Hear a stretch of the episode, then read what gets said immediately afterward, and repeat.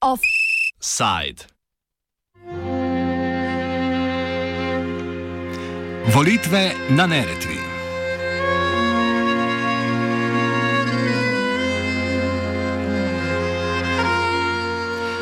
Dom naroda parlamentarne skupščine Bosne in Hercegovine je sprejel predlog zakona o spremembah in dopolnitvah volilnega zakonika Bosne in Hercegovine.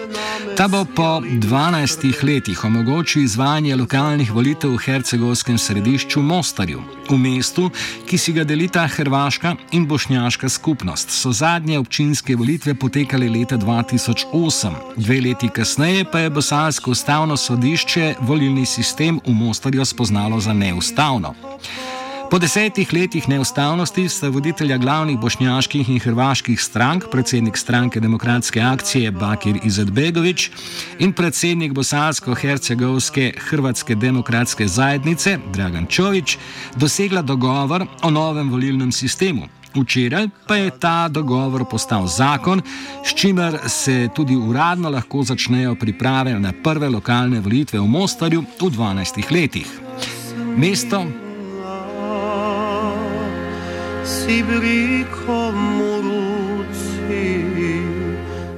Mesto ima šest volilnih področji, ki so bile nekdaj občine.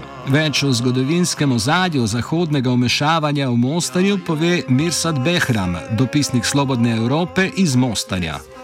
Od 1994. godine je Mostar postao nakon prekida borbenih dejstava, nakon suk, prestanka sukoba, jedini, prvi i jedini grad u Bosni i Hercegovini, a koliko ja znam i bivšoj Jugoslaviji, nad kojim je Evropska unija proglasila direktnu administraciju i posla upravljanje direktno, znači Evropska unija iz Brisela.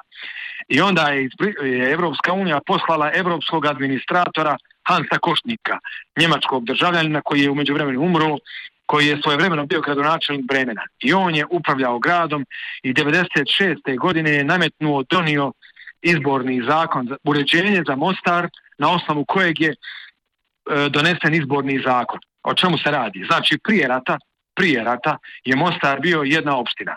Jedna općina, dakle. Kao i sve druge u Jugoslaviji, je tako? Međutim, tim, pošto je Mostar u ratu, nažalost, podijeljen grad na dva dijela, da ne bi došlo do podjele na bukvalne podjele na dva dijela poput istočnog i zapadnog Berlina, e, Košnik je grad organizirao u šest općina ili opština, kako god zovete.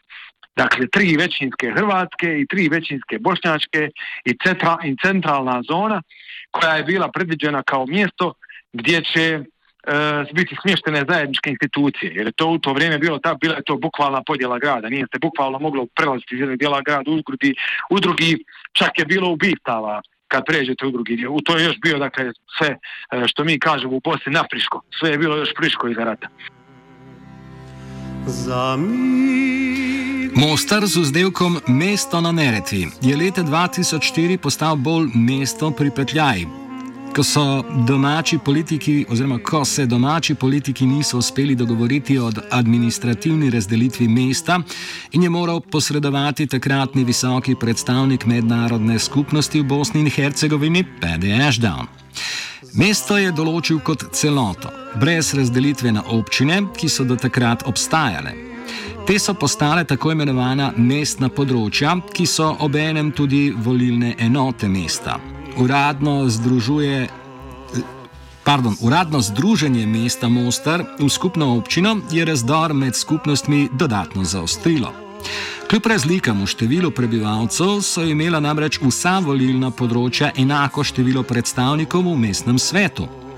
Hrvaške stranke so ložile pritožbo na ustavno sodišče Bosne in Hercegovine, čež da glasovi bošnjaških voljivcev več tejo. Behram. E, pošto je proglašeno šest općina, svaka od tih općina je postala izborna jedinica. E onda je 2004. godine tadašnji visoki predstavnik međunarodne zajednice u BiH e, britanski lord Paddy Ashdown koji je također umeđu vremenu umro, on je donio novi statut grada nakon pregovora vodećih hrvatskih bošnjačkih stranaka, one su se dogovorile 90%, međutim 10% nisu mogli se dogovore i taj ključni dio tog dogovora je nametnuo visoki predstavnik. E, on je propisao, on je ukinuo općine, međutim, zadržao je, e, bivše općine su ipak ostale i dalje izborne jedinice. Ovaj, e onda, e, nakon toga su se hrvatske stranke žalili u Ustavnom sudu sa e, to su obrazložile na taj način da e, ne vrijedi jednako bošnjački i hrvatski glas na lokalnom nivou u Mostaru. Kako ne vrijedi? Pa oni, oni su argumentirali da recimo jedna hrvatska izborna jedinica ima više birača, a da je isti broj vijećnika kao neka bošnjačka izborna jedinica koja ima manje birača. Ustavni sud je presudio da je to zaista neustavno, ta odredba koju je donio visoki predstavnik i na, još Dakle, Ustavni sud je tu odluku donio 2010. godine. I ovaj i naložio je Ustavni sud političara da, da, da provedu tu presudu i da uh, se dogovore oko novih izbornih pravila za Mostar.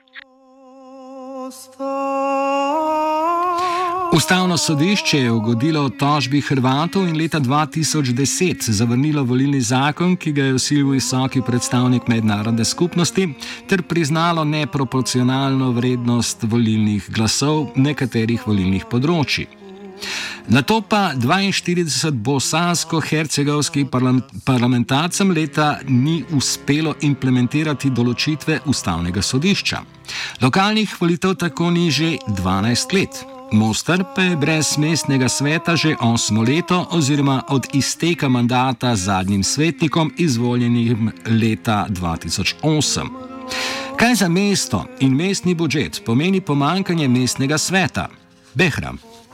Ukratko, znači, gradsko vijeće ovaj, odlučuje o stvarima, koliko ja znam, poput upravnih odbora, javnih institucija, javnih firmi, tenderima, konkursima i tako za izgradnju i tako dalje i tako dalje. Pošto nema gradskog vijeća, onda e, je li takve stvari e, ne može donositi gradonačelnik. Imali smo primjer sa javnim preduzećem Parking, koliko ja znam, koje je mo parking, koje je pos, osnovano, pokrenuto, međutim ta procedura imenovanja, koliko ja znam, nikad nije do kraja završena, zato što nema gradskog vijeća i pokušalo je da se radi, da to preduzeće radi, međutim nemoguće je da radi jer nema gradskog vijeća, nema ko će kada istekne mandat upravnom odboru ili već kome, onda ne, jednostavno nema ništa, ne može se ništa dogoditi jer nema organa koji će imenovati novo, novi upravni odbor, pa da upravni odbor izabere, izabere novog direktora i tako dalje. Dakle, evo, na primjer, to je jedna stvar. Ili drugi primjer, e, gdje je posebno morao zasjedati federalni parlament, dakle,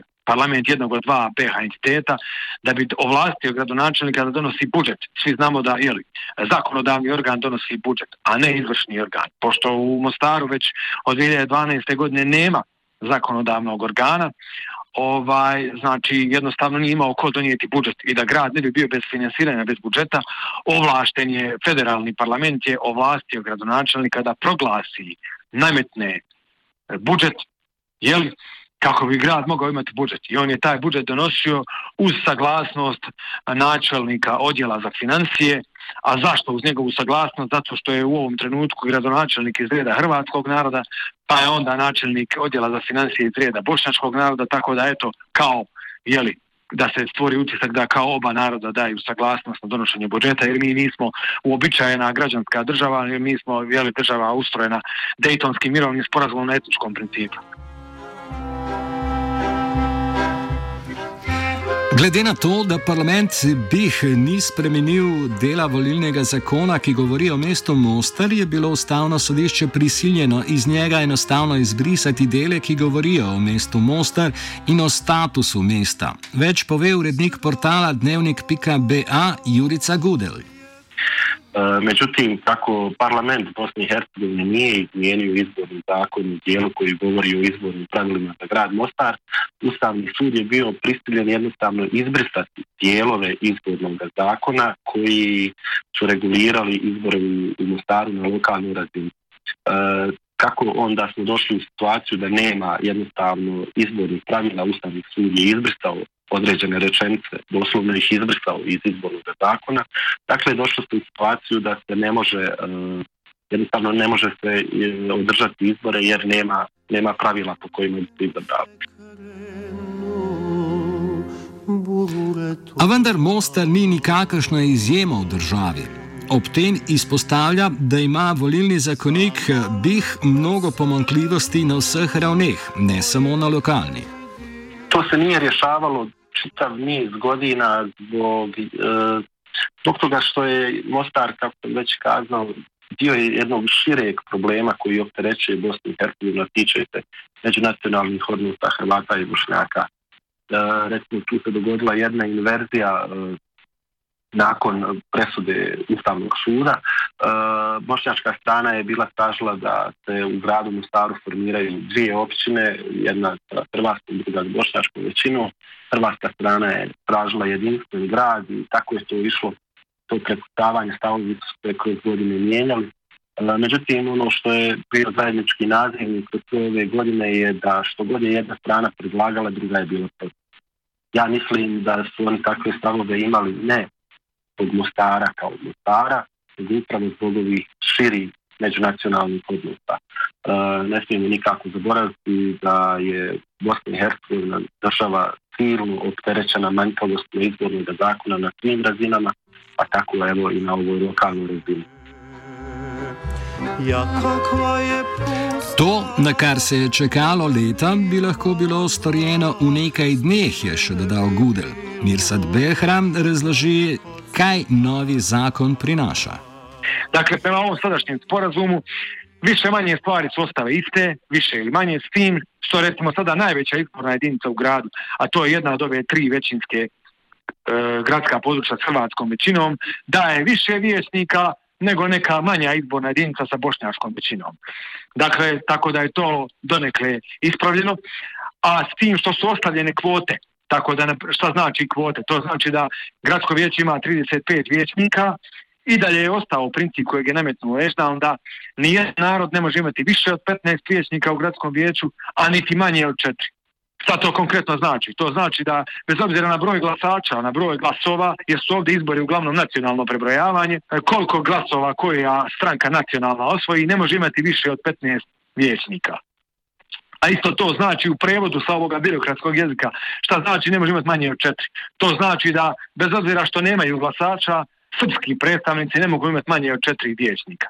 Znači mora imati minimalno četiri. Time jel, se na neki način pokušava eh, amortizirati rezultate rata. Jel, jel, jednostavno na E, jednostavno eh, Srbi su i rata ovdje činili trećinu stanovništva, oko trećine stanovništva, sada ih ima, ima svega nekoliko hiljada, e, zašto? Pa jednostavno rezultat rata kao isto kao što sada recimo u Srebrenici nema Bošnjaka koliko, je, koliko ih je bilo nekada, ili ne znam u nekom drugom mjestu nema Hrvata koliko ih je u Derventi, recimo, koliko ih je bilo nekada. Dakle, jednostavno je to rat donio. Tako da se na taj način pokušava koliko je to moguće realno na terenu održati multietničnost Mostara.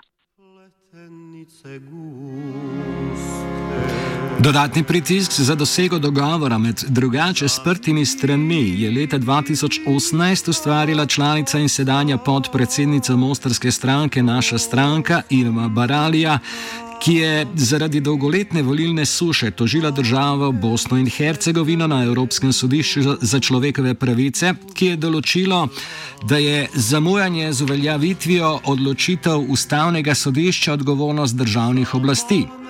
Implementacija določitve ustavnega sodišča je za Bosno in Hercegovino le redkost.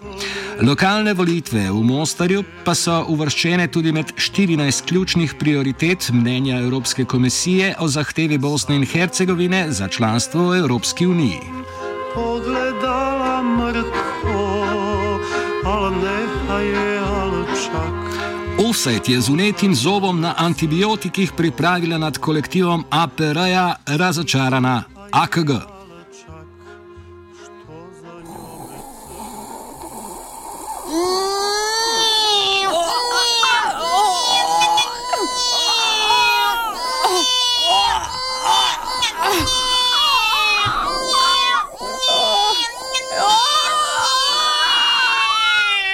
Če vas zob ne boli, vas pa še bo. Radio Študent.